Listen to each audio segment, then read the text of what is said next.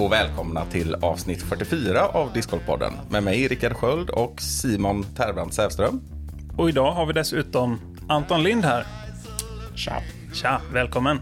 Tack så mycket. Kul. Det är en liten återkommande ändå. Du var ju med på vårt eh, segment 500 par för eh, ja, ganska många avsnitt sedan nu. Stämmer, stämmer. Mm, så det är kul att ha dig med igen. Kommer in på varför alldeles strax. Men innan vi gör det så kan vi gå lite tillbaks till Järva Open. Det var ett tag sedan nu, men vi tänker att vi vill ändå lyfta det. Eh, där var jag och spelade, och även du Anton. Stämmer bra det också. Eh, och eh, jag vill ge en shout-out till eh, både Anders Panzer och Simon Lindgren och alla andra inblandade i det eventet där. För jag vill påstå att det var väldigt bra eh, styrt, jättetrevligt arrangemang. Och även positivt överraskad över den nya slingan faktiskt på Järva. Mm, jag håller med. Mm, du kände också att det var en trevlig tävling Anton? Ja, men det var, de har gjort det bästa de kunde ha gjort på banan. faktiskt. Ja, ja, jag tycker också det. Det var, det var riktigt häftigt. Du var ju tyvärr inte där Rickard den här gången. Nej, jag var ju på bröllop, men jag har också hört just att banan var mycket bättre. Jag tycker det jag har sett också på film och bild över förväntan. Ja. För jag har ändå hört att den här nya slingan ska vara, ja, det är inte gamla Järva liksom. Mm. Men det såg ju, ja, för det första tufft ut.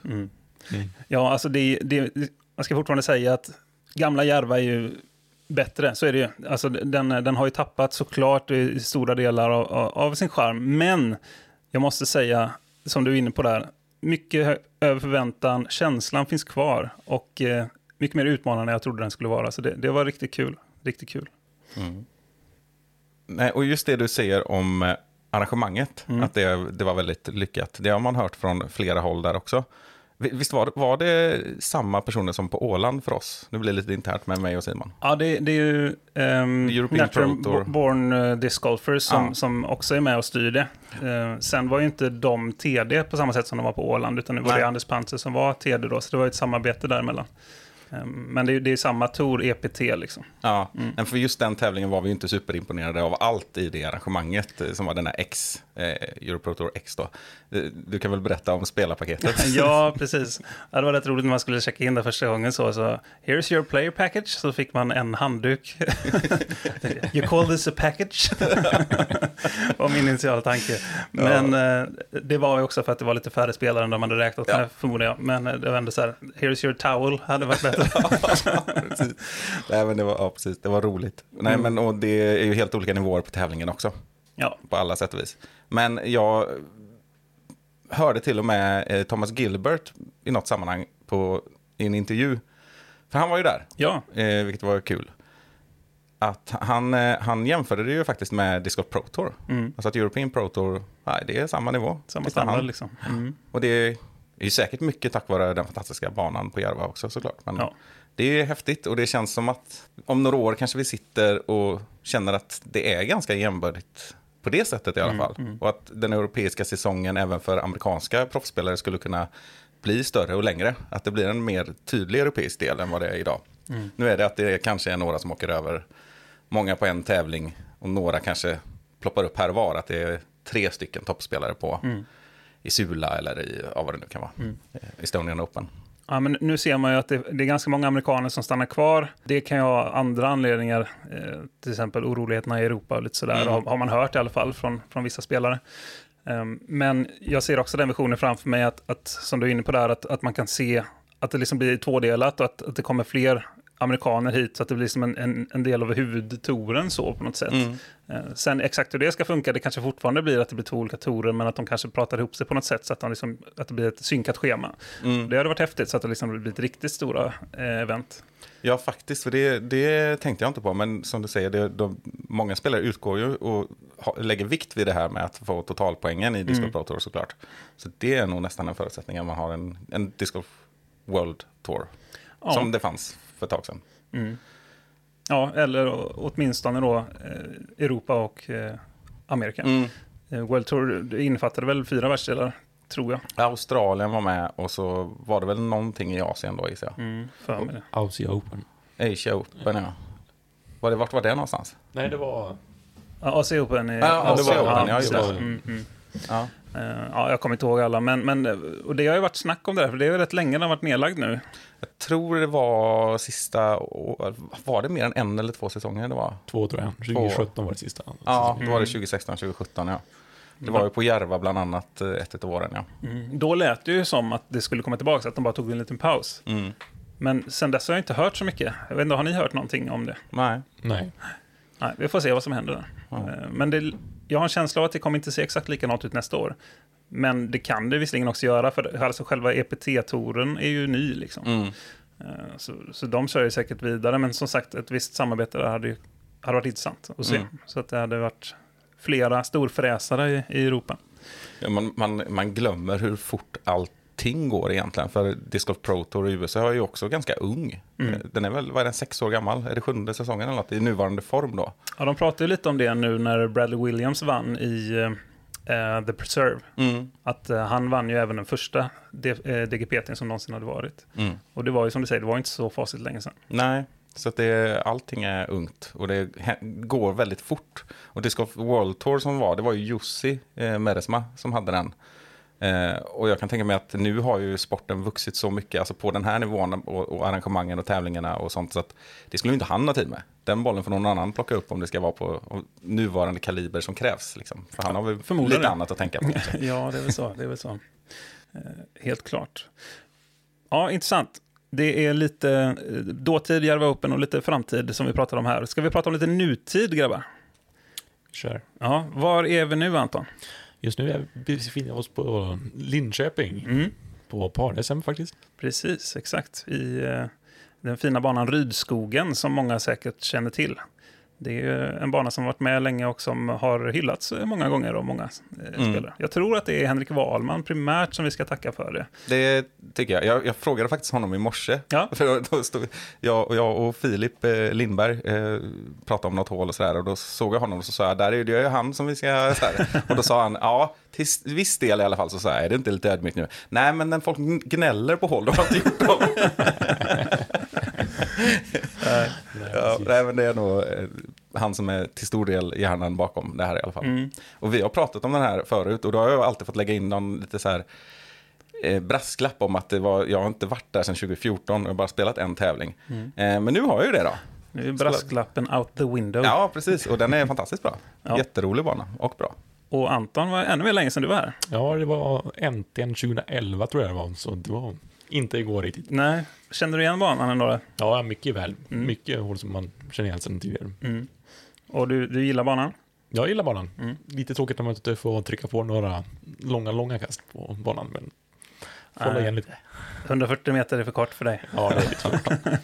Men vi har väl ändå en känsla av att vi skulle kunna ha något. Du och jag spelar ju i, i par här nu. Stämmer. Och för mig känns det ändå som att det, det kan bli kul. Att Ja, vi, ja. vi har många chanser sådär. Eh, Min, min uppgift, eh, så var det ju även när vi spelade par-SM för några år sedan. Ja, precis. Så blir det ganska naturligt i många lägen sådär att ja, men nu är min uppgift att lägga mig på fairway här. Så kan Anton göra lite vad han vill.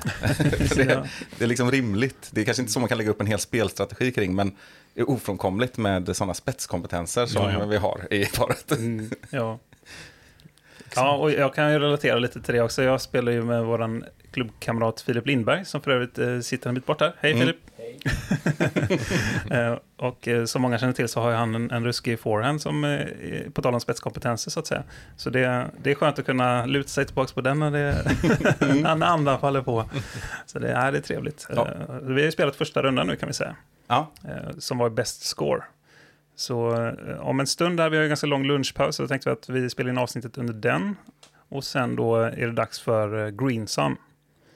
Och för de som undrar vad bäst score är, så är det att man spelar individuellt och så väljer man den bästas resultat på det hålet. Ehm, och sen Greensum, Rickard, hur fungerar det? Jo, då är det ju, man kan säga att man spelar det som best shot från 10, alltså att båda spelarna kastar ut. Eh, och så väljer man det läget man vill kasta ifrån.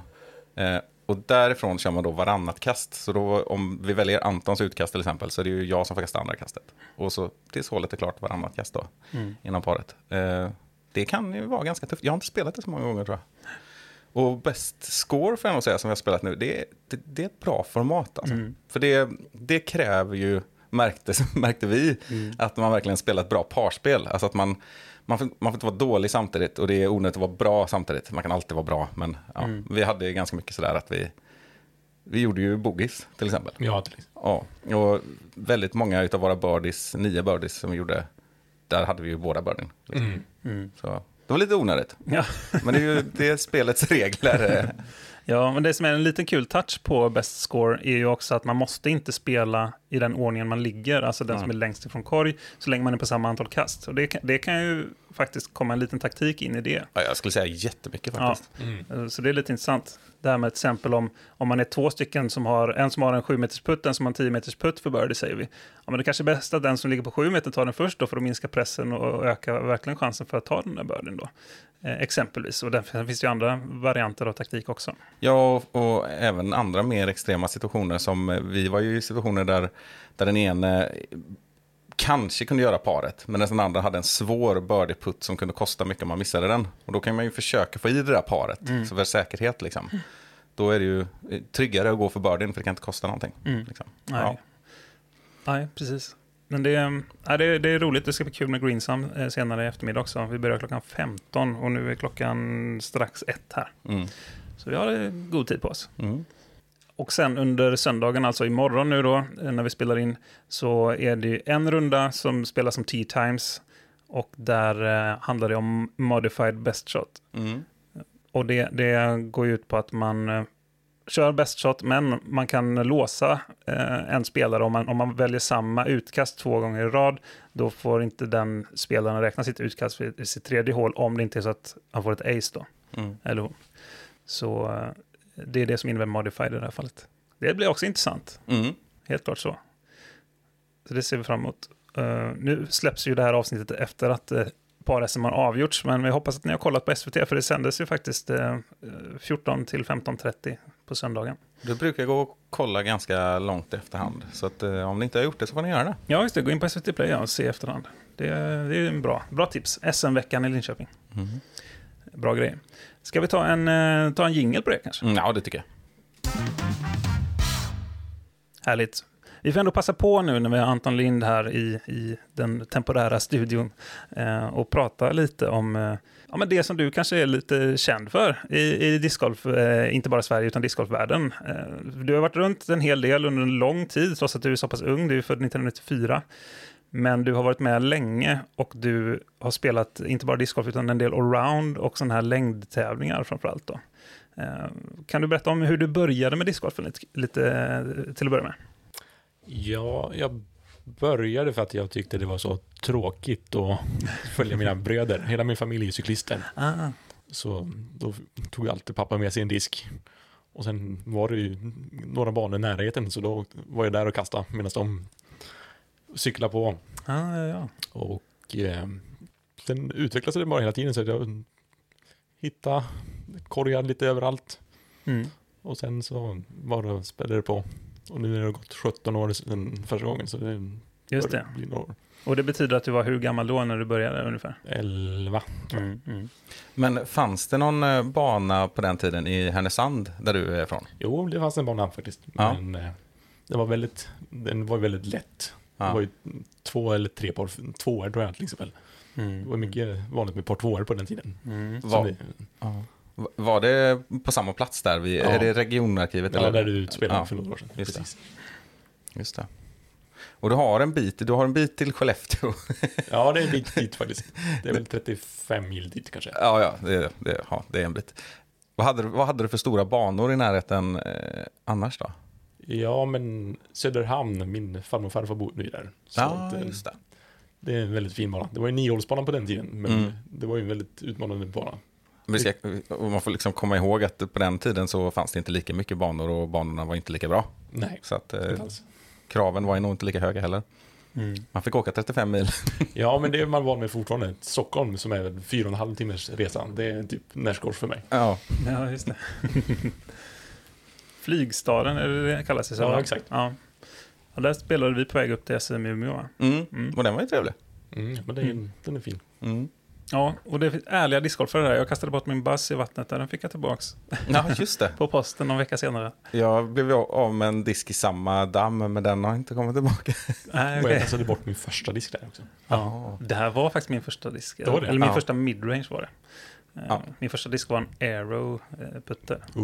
Ja. Men är det så att du har kastat bort den någon annanstans nu? Nej, den lever kvar, men den är faktiskt inte i bagen. Nej, nej, precis. Det var länge sedan man såg den. Ja, Ja, var den- din första diskdisk? jag, jag kommer faktiskt inte ihåg riktigt, men det bör ha varit en Discraft XL, Ooh. skulle jag tro. Just det, men det har du nämnt någon gång att den gick och, och hystade i Stenungsundsskogarna. Ja, exakt. Och det, vi hade, alltså på den tiden, vi, vi, i Stenungsund var det ju så lyxigt, för vi kunde ju köpa diskar på sportaffären. Liksom. Ja, just det. Eh, men eh, de, då var det ju Innova och Discraft egentligen Mm. som fanns.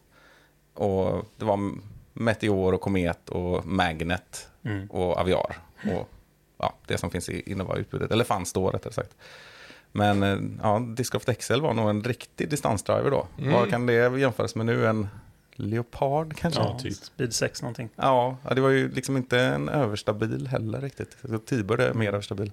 Ja, det är kul när man läser på sådana här gamla T-birds och sånt. Så här, ultra long driver. Ja, exakt. Precis. Ja, det stod det på dem där också Mm. tror jag. Mm. Jag började spela med tre stycken 80-talsdiskar igen. Ja. Mm. En eh, Hammer från 89, Mm.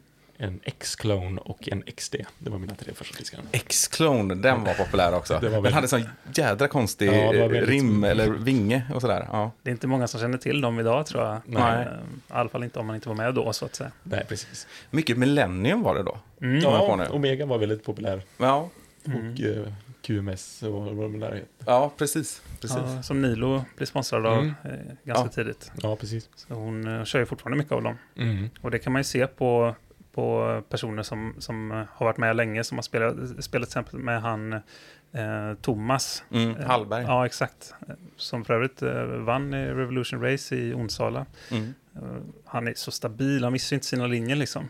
Och så stänker i puttarna. Och det är Omegor tror jag det är han puttar med. Ja, det är det. Han, eh, han har fyra stycken säger han, så han klarar sig länge. Jag tänkte, ja fasen, det räcker lite. fyra stycken, jag vill ha 30 om jag ska klara mig, om det inte går att köpa nya. Men, sen, sen drog han upp en sån här gammal klassisk rock med, eh, är det någon Buddha, är det va?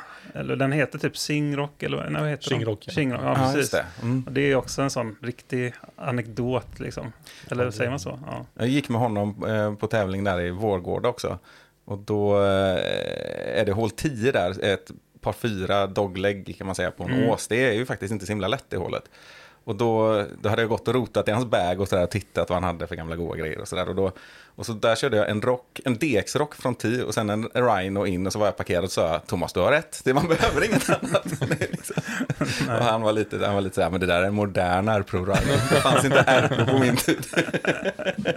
Nej, inte Så- samma sak. Så här, och den där DX-rocken har du köpt förra året. hans, eh, hans, diskarna i hans bag är äldre än vad du är Anton. Ja.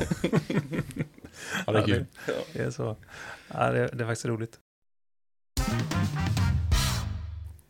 Jo. 220 meter Anton. Mm. Hur går det till? Ta i. För det är ju faktiskt ditt längdrekord. Ja, om man räknar jordisk, det vet jag inte, men plus minus 10. Ja. ja.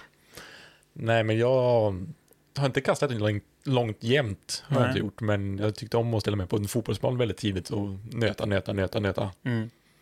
Och sen hade jag ju Christian Sandström som största idol, som hade världsrekordet just då. ja. Och- Men uh, Valkyrie. Ja, precis. Mm. DX Valkyrie 167 gram tror jag det var Mm. faktiskt. Mm. Ja, det är helt galet. Ja, är DX också, 250 meter. 250 meter. Och det höll sig i 10 år. Ja. Fram till 2012 ska man komma ihåg. Det är inte så himla länge sedan. Nej, det var 10 år sedan. Så. Ja. Och då var det en boss eller? Ja, en Blizzard Boss. Mm. Mm. Det är lite skillnad. Det är ganska stor skillnad. ja. Mm. Speed 13-14 på en boss kanske. Mm. Och en minu- eh, speed 9 på en Valkyrie. Så Ja, det är ja. sånt. Så. Och stabiliteten ska vi inte ens Ja, ja, prata precis. om. Liksom. Men eh, har du, har, har du känt liksom att du har eh, särskilda förutsättningar? Du är ganska lång och har långa armar. Ja, Eh, och du har, du har den här klassiska fysiken när man tänker på det. Lite smal och lång. eh, Det är både klassiskt Lisotto och Eagle och ja, men precis. Gannon Burr för den delen. Mm. Är, det, är det någonting? Eller är du... Jag tror mer att jag är explosiv. Mm. Mer. Jag kan ju gå fram och slå in iväg den 150 meter typ. Mm. Ja. Så jag är mer explosiv än, mer än många. Ja, men Ja. är det någonting du har märkt av i andra idrotter också? Att du har den jo, explosiviteten? men explosiviteten har jag mycket haft i andra sporter också. Ja, det handlar ju om acceleration mycket. Det är det man, Och så snabbhet på armen. Liksom. Mm. Det är det man har fått höra i alla fall. Sen är det såklart liksom, mycket teknik och annat som spelar in. Ja, jag har också tänkt på det att eh, man har fått höra också att för en discgolfare så ska man inte eh, träna liksom uthållighet eller långsamma muskelfibrer och sådär. Och där, det är ju du en, ett, eh, mots- ja, det, är- det är ju ett bevis på att det uppenbarligen går att göra Ja. annorlunda. För du, du gillar ju att ut och springa flera Ja. mil. Ja, jag gillar att springa. Jag sprang tre ultramaratons i december.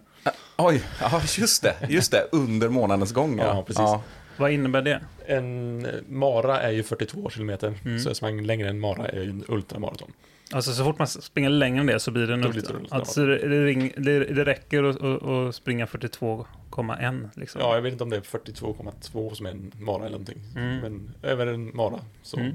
blir det ultra. ja häftigt. Och du har också haft sådana där månader va, då du ska springa minst en mil om dagen eller något sånt? Ja, precis. En Ja. mil om dagen i en veckas tid typ. Ja, en veckas tid. Ja, okej. ja. Ah. Och sen... eh, Nej, men så det, jag har sprungit 85 mil i år tror jag. 85 Jäklar. mil. Ja, just det.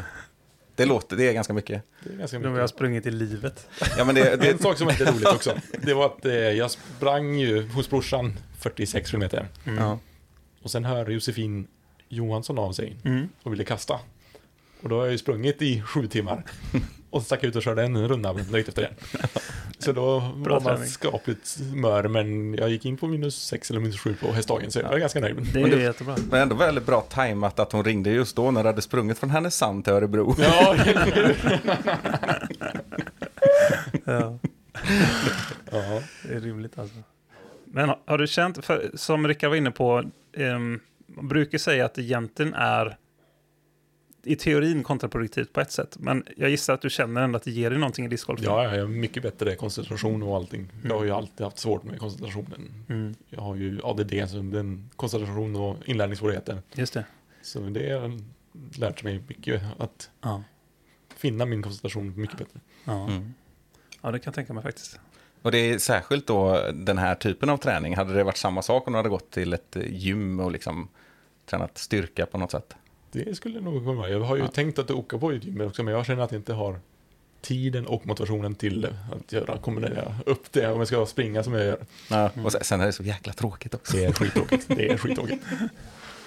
Men springa 43 kilometer är svinkul. Ja, det, jag, jag är ju helt och hållet på Antons linje där. Vi tittar Men bort nu det, på... vi tittar på Filip som sitter här. Ja. Det. Han har-. Han har spenderat 85 mil på gymmet. Han har lyft 85 kilo, eller 85, 85 mil han, har, han har lyft 100 kilo i 85 mil. Kanske. Ja. Ja. utfallssteg. Ja. Ja, men eh, finns det något annat sådär, alltså vad, vad, vad, vad ligger i en, eh, en vad finns det för te- tekniska detaljer som är viktiga för just för att kasta långt? Om du skulle säga. Alla jag har hört liksom hur man ska kasta, man ska hålla nära och man ska inte rounda och allt vad det kan vara. och Sådär. Vi hoppar över den biten och räknar med att lyssnarna har sett det mesta. Men just för att komma långt, vad är, det, vad är nyckeln? Håll upp kroppen. Det är många som dippar typ när de kastar för att de Mm. tappar bålstabilitet. Mm. Försöka hålla upp kroppen och eh, försöka... Ja men draget tycker jag också är väldigt viktigt. Mm. Att man väldigt kontrollerar att den inte svajar. Att du liksom är, är aktiv i att armen eh, positionerar sig på något sätt. Exakt, Utan att egentligen använda och spänna armen så mycket antar jag. precis. Vilka delar i kroppen aktiverar du mest? Höft och eh, barn skulle jag säga. Mm. Men det, jag tycker också, jag tycker lite grann det syns på dig att det Mm. är så, eller? Mm. Ja. Jag håller med. Framförallt höften är du väldigt aktiv med, Mm. vill jag påstå. Sen har du ganska låg och lång reachback va? Ja, jag är väl ganska centrerad i draget. Men... Mm. Och sen stämfoten skulle jag säga är en ganska viktig sak också. Mm. Mm. Att man verkligen trycker ifrån så får du upp all energi du Mm. bygger upp. Och du, du roterar på hälen va? Ja, Ja, det är det vanligaste. Rickard, du gör lite både och. Ja, jag, jag, precis. Jag gör faktiskt både och. Mm. Nej, men för jag, jag, jag trodde ju länge att jag var att jag roterar på tårna bara. Mm. Och sen eh, Sen har jag liksom upptäckt, så jag sett liksom så här, när jag har spelat in mig själv i någon annan anledning, eller om någon, Mm. du bara filmat mig, vi är ute på någon resa, eller så, där, så ser jag, men vad fan, jag, där roterar jag ju på hälen ju. Mm. Men jag är nog, alltså jag tror att, jag tror också att eh, när man pratar om det här med eh, tä, eh, tä eller hål, Vilket alltså betyder häl eller tå. Exakt. Eh, han förstår mig. eh, nej, men då, då, då, då tänker nog många att, man, att det är ganska tydligt. Liksom. Men egentligen så är det, om, om man tittar på de- en, en jättebra hälrotation. Annars är det någon helt annan podd där. eh, så, så, så tror jag att man, man, man ser att det, det skrapar ganska mycket fram på foten också. Eh, för många duktiga Mm, spelare tror jag. Alltså det är inte så att tårna är 45 grader upp i Nej. luften på något sätt. Utan, så därför kanske det blir så. Men jag, jag märker inte heller att jag gör det, att det blir dåligt när jag gör det på det ena sättet eller det andra. Och så. Men, Ja, ett annat tips också är att man försöker vara på tå hela tiden i, i korssteget. Mm. Att man inte planterar foten, bakfoten då. För om man planterar foten så tar du bort allting du bygger upp med ansatsen också. Du tappar mycket momentum och allting. tå, tå i först i sista steget, ja. Att du, tänk dig, ja, sista, du har ju kört korssteget Mm. och så precis när du ska sätta ner foten, att du inte pantar den direkt. Mm. Att du är fortfarande på, som lätt på tå och sen trycker ifrån. Ja. Mm. För då bygger man mycket momentum framåt. Och ganska låg tyngdpunkt kanske. Ja, precis. Mhm. Om det är någon som sitter och lyssnar här nu då, som eh, har spelat i åtta månader och kastar 90 meter som mest. Mm. Vad, är, vad är första steget om man vill kasta längre? Vilken, vad ska man fokusera på? Det är ju såklart svårt eftersom det är från person till person. Men Börja stillastående. ja, för att... Ja, men det är lättare att eh, hitta tajmingen och sen får man börja försiktigt uppåt. Mm, För att man står stillastående är det lättare att sätta linjen hela tiden. mm, Men om man tar ansats så är det lätt att man släpper den för snabbt och för sent och så börjar man hitta en timing. Mm. Och sen kanske man, vissa säger att man ska ta ett steg sen, sen tar man ett extra efter det. Ja, det håller jag med om. Vad skönt, det känns som att jag säger rätt saker när, Ja. när folk frågar. Nu kan vi kasta långt, Rickard. Ja, exakt. I, I teorin kan vi det. Ja, precis. Det. Vi kanske kan bjuda på ett litet klipp på Instagram när, när Anton kastar för de som är nyfikna. Det går att lösa. Det har vi, både Rickard och Anton sitter nog på ett gäng sådana videos. Ja. Vi har ett fält där bakom också. Ja, just Kom, det. kommer du ihåg eh, när vi, var, när vi spelade Parasen förra gången? På, Ja. eh, när jag hetsade dig på driving rangen. Ja, precis. Ja. den videon tittar jag på ibland. så den har vi om inte annat. Ja. Ifall det blir så att vi, det är den vi lägger ut. Men jag tror vi försöker göra något nytt. Ja. Eller hitta något nytt som du har. Vi kan lägga upp bägge två. Ja, det kan man göra. Nej, men då, då, det roliga med den är väl lite grann att jag, jag ska ju filma dig. Och så... Jag tänker, det var det var skog på hela vänstersidan där. Mm. Och jag tycker du lägger den så högt liksom, och jag vet att det är en ganska överstabil disk. Så jag tänker liksom medan jag filmar att oj då, nej vad tråkigt, nu får vi leta disk här hela tills vi startar liksom, för det var innan rundan. Eh, men så tittar jag ju upp från telefonen och ser att den är ju fortfarande i luften. Och jag säger det också i, Ja. i videon. Och det jag brukar tänka på när jag tittar på den här, det är just att hur länge den är i luften. Man ser ju inte disken på Nej. filmen. Men jag tror att vi mätte upp den, för du råkar ju kasta förbi driving rangen och in i en tomt. och jag tror vi mätte den till 185 eller Ja, någonting. Mm. Det var inte optimala förutsättningar den dagen heller tror jag. Nej. Så ja, men vi ska nog hitta någon mer video. Ja, Det tror jag. Det löser vi.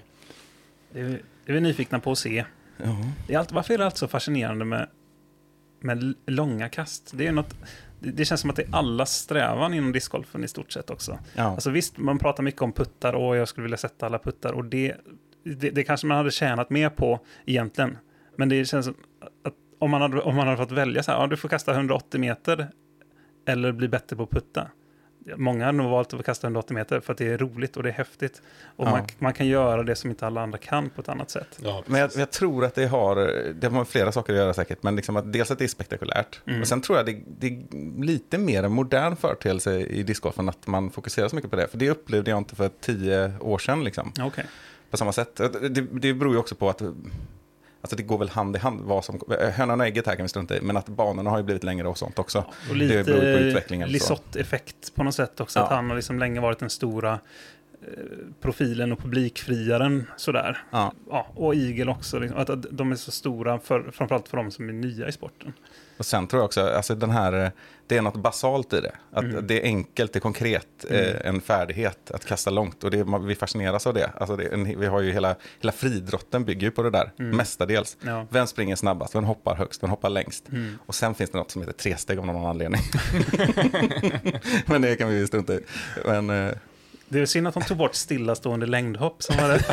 ja, jag menar, det är ju i alla fall, det uppfyller ju det där kravet av Ja. att vara, ja, intressant sport. ja. Också tråkigt att man la till madrasser på höjdhoppet. Det var cleanare än det var sand. ja, det hade nog också med sportens utveckling att göra. Ja. När man saxade 1,60 så gick ja, det. Ja, exakt. Ja, good times. På tal om det, vad, vad blir nästa breakthrough inom discgolfen? Har ni någon sån på lager som ni tror liksom att det här, det här kan förändra sporten? Ja, du menar så. Jag trodde Ja. du menade någon spelare sådär, nästa Gannon Nej, Burr nej eller... ut, utan mer antingen då alltså i, i ren... Eh, Ett nytt kast. ja, ant, Ja. antingen det som en Fosbury Flop, eh, Mm. för de som känner till höjdhoppen. Han som slutade köra dykstil utan körde med ryggen först.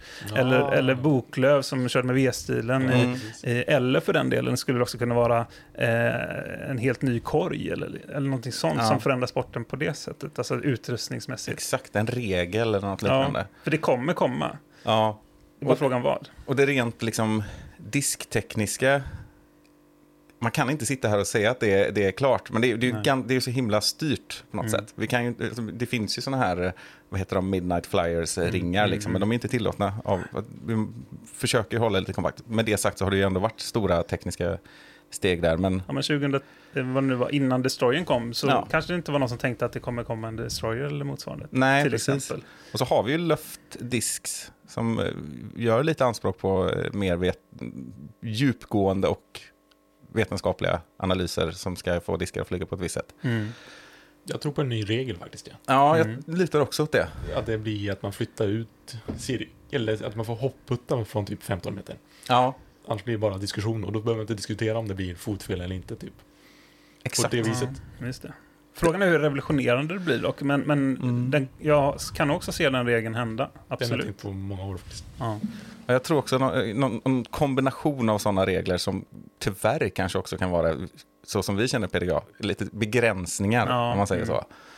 Eh, Jag vet att Lisotte har pratat om att han gillar inte hur, han gillar inte hur OBn fungerar, att den blir för bestraffande så. mm, Utan att, att det är framtid att jobba kanske mer med naturliga OBn som i traditionell golf på det sättet att du har liksom eh, first cut, second cut eller vad det nu heter. mhm. Eh, och, alltså att där, där Ja, gör det just det. skillnad att Mm. ligga i ruffen istället för att ha en OB om man säger då. Mm. Eh, att man kanske kunde ha, få fram någon motsvarighet till det. Det, har pratats om sand utanför fairway till Mm. exempel. Så att man får en jobbig run-up eller sådana här saker. Istället för att bara ah, du får ett kast eh, direkt taget från dig. Eh, någon sån förändring hade nog kunnat ske också. Men det tror jag också. Det låter rimligt just på grund av att eh, sporten utvecklas också genom att fler banor läggs mer pengar och resurser och tid på. Och då Mm. möjliggörs det här Mm. att vi kan inte bara, vi har, vi har fullt upp med bara hålla den här lilla skogspartiet eh, i, i skick där du ska Ja, kasta. ja. Ligger du i ruffen så ligger du riktigt i ruffen. Liksom. Ja. Men nu kan man ja, skikta det ja. För det, det, är ju, det är ju trots allt lite nästan komiskt ibland. Man ligger precis på en gräns och så är det en centimeter som avgör om, om det blir... Eh, ibland kan det ju också, som för mig på Järva Open kan jag relatera till, när man har OB carry. Det kostar inte bara ett kast då, den Nej. kostar liksom två kast. Mm. Ja. Man måste gå tillbaka 100 meter, eh, till exempel. Alltså det, det kan vara så extremt bestraffande med OB. Mm. Eller Mando är också väldigt så konkret och, eh, och sådär direkt eh, straffande. Ja, och det är så himla på marginalerna Mm. ofta. Precis, och också. det, det, är ju, det är ju verkligen en sport av, av små marginaler, discgolf. Mm. Eh, och enligt många också i vissa sammanhang så är det liksom, det tror jag också man kan citera Lesoth på, att han säger, när han pratar om en av hans jättebra rundor han fick till för ett tag sedan. Ja, jag tyckte jag spelade lika bra igår, men den här gången hade jag kickarna med mig. Mm. Och det, det är lite tråkigt att det är så så Mm. ofta. Ja, Mm. och, precis. Och det är, det är väl väldigt lätt att känna igen sig. Ja, ja, visst. Otroligt lätt. Vad tycker du om de nya reglerna? Med sådär att du inte får flytta bort saker och sånt. Det Ja, är det- bara idiotiskt. Ja, Ja, det är kaos. ja men alltså, eh, vi, vi kommer ju... Jag tycker vi, vi är lite öppna här nu. Nej, men vi, vi, hade, vi pratade om det här innan de kom, i höst, förra hösten. Ja. Och då är vi ju väldigt medvetet försiktiga. Vi hade väl lite så här farhågor, ja, men, eh, fast vi, kunde, vi var så här, ja, men vi kan inte riktigt hitta varför den här regeln är bra, eller varför den tillkommen. Mm. Och det är ju rimligt att det är så, för sen, det är först i mars då man kan sitta och bara, nej, vi hade ju, det var ju verkligen så. Ja, och- hur- då är det ju helt idiotiskt då. Och nu pratar vi då om att man inte får ta bort ehm, pinnar och kottar och allt vad det kan vara som ligger bakom ens disk. Mm. Utan bara i en stance, men man får inte ta bort det i en run-up. Och där känns det som att, som för att citera eh, Locastro då som var med i podden, someone dropped the ball. Mm. Och det känns ju verkligen så.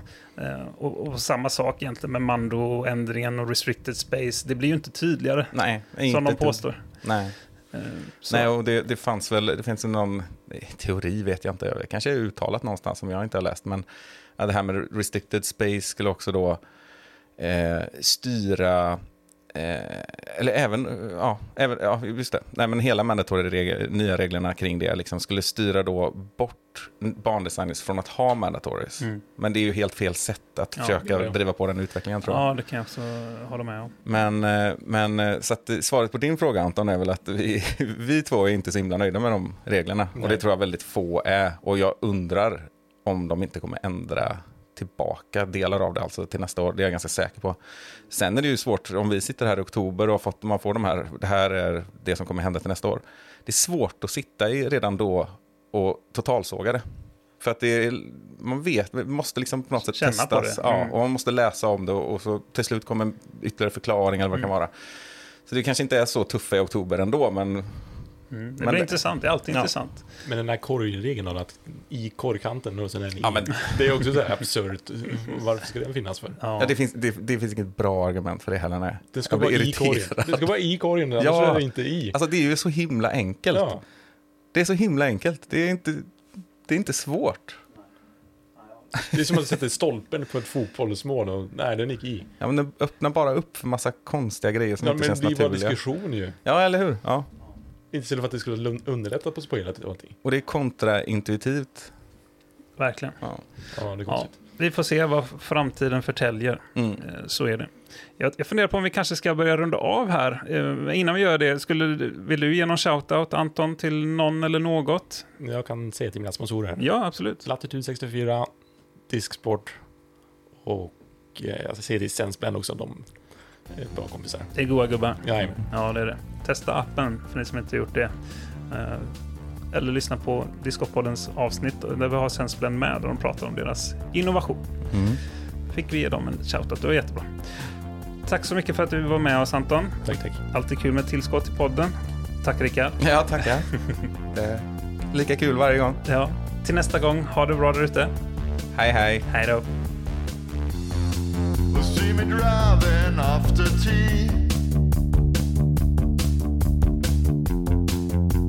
Weather's looking good. I got a disc bag full of tricks.